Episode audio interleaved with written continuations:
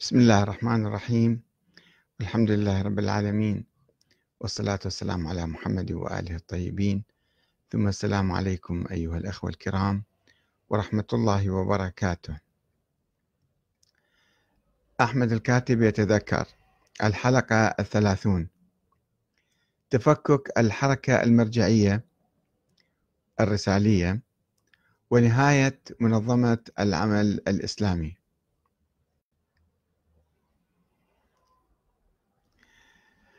في الوقت الذي كانت علاقتنا تتوتر مع النظام الإيراني في أواخر التسعينات كانت علاقتنا أو علاقاتنا الداخلية فيما بيننا داخل الحركة الرسالية المرجعية تتوتر أيضا حيث استقلت منظمة الثورة الإسلامية في الجزيرة العربية بقيادة الشيخ حسن الصفار عن الحركة الأم وابتعدت قليلا عن المدرسي و وكانت تخوض صراعا مع إدارة حوزة القائم على اكتساب الخطوط التنظيمية في داخل السعودية. وكان التنظيم البحراني المسمى الجبهة الإسلامية لتحرير البحرين قد استقل من قبل ولكن علاقة قائده السيد هادي المدرسي لم تكن متوترة مع أخيه السيد محمد تقي المدرسي. أما التنظيم العراقي منظمة العمل الإسلامي فقد كان يقوده منذ حوالي عشر سنوات الشيخ محسن الحسيني أي قاسم الأسدي. ولكنه كان على خلاف مع المدرسي ومع المكتب السياسي لمنظمة العمل الإسلامي الذي كان ينسق مع السيد المدرسي ويطالب باستقالة الحسيني. وهذا ما أدى إلى عقد مؤتمر عاجل دعا إليه السيد المدرسي حوالي خمسين كادرا من كوادر الحركة الرسالية المرجعية يعني من العراقيين والسعوديين والكويتيين والبحارنة والإيرانيين لبحث المشكلات الداخلية في أواخر عام 1990 وكان الهدف من الاجتماع العاجل حسب ما علمت بعد ذلك هو تعزيز قيادة السيد محمد تقي المدرسي في مقابل الأجنحة والقيادات والفروع الأخرى. وكانت مناسبة مناسبة لأطرح ما كان يدور في بالي من قراءة لجذور المشكلة وأقدم حلا لمعالجتها. قلت إن حركتنا انطلقت على أساس أنها حركة تتبع تتبع مرجعا معينا هو السيد محمد الشيرازي. هاي في كربلاء في آه، الستينات والسبعينات. ولم نكن نؤمن بالتنظيم الحزبي, الحزبي أو الشورى.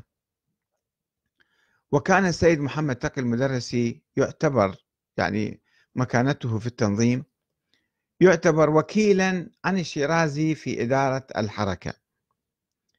ولكن السيد الشيرازي اليوم يعني في أواخر الثمانينات بدأ يحث على الشورى ويطالب بإجرائها وممارستها في داخل الحركة.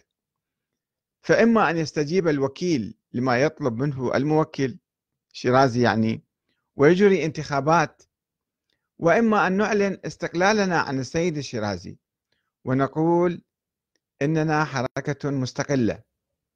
وفي هذه الحالة لابد أيضا من إجراء انتخابات داخلية وفتح باب الترشيح للمناصب القيادية كلها وتقديم كل مرشح لبرنامج معين يتم انتخابه ومحاسبته على أساسه.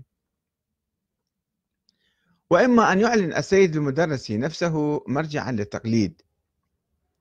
وربما كنت أول من يقلده هكذا قلت. وتكون عندها علاقتنا معه على أساس التابع والمتبوع أو المقلد والمقلد. وأيدني بعض الأخوة ولكن السيد المدرسي كان يريد في الحقيقة أن يحتفظ بيده بالخيارات الثلاثة في وقت واحد. وكان يقدم نفسه وكيلا عن السيد الشيرازي وقائدا للحركة ومرجعا للتقليد وفقيها وليا على الجميع. وفي جلسة أخرى خاصة معه قلت له إني دخلت الحركة المرجعية على أسس واضحة وأقسمت على ذلك ولم أقسم على اتباعك شخصيا بأية صورة. وإذا كانت هناك حركة باقية فلا بد أن نعرف مسؤوليتنا وموقعنا. وإذا كنت تريدها مرجعية شخصية لك فأنا غير مستعد للتعاون معك على هذا الأساس. فأصر على صيغة التبعية الشخصية له.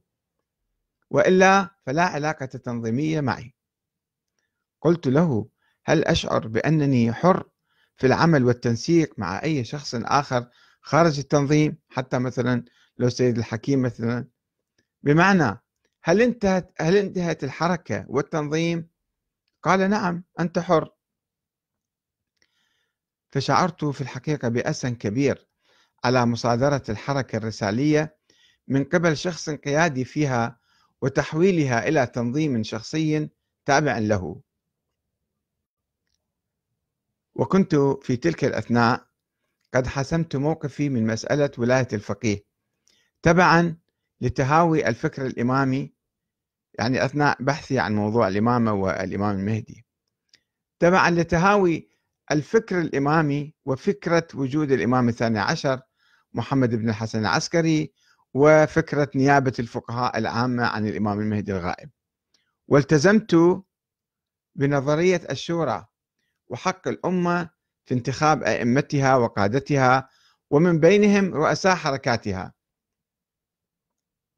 يعني انعكس التطور الفكري على مسألة التنظيم والعلاقة مع منظمة العمل الإسلامية. وبعد خروج وبعد خروجي من إيران قام السيد المدرسي سنة 91 بعقد مؤتمر عام للحركة أو لمنظمة العمل بالتحديد. ولكنه رتب الأمور ووزع المناصب من قبل ووضع عددا من أخوته السبعة حفظهم الله على رأس كل مكتب. ورفض مناقشة قيادته للحركة التي اعتبرها فوق النقاش.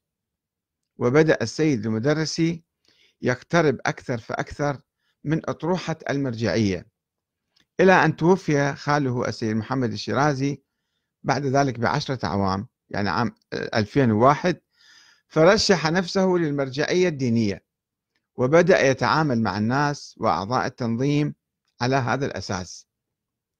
وكان من الواضح أن أزمة التنظيم تعود إلى الفكر الإمامي وإلى فكر ولاية الفقيه ومعاداة الشورى يعني كما هي أزمة الدكتاتورية في إيران التي تطورت تحت نظرية ولاية الفقيه والنيابة العامة للفقهاء عن الإمام المهدي وأصبحت ولاية مطلقة فوق الشعب وفوق الدستور.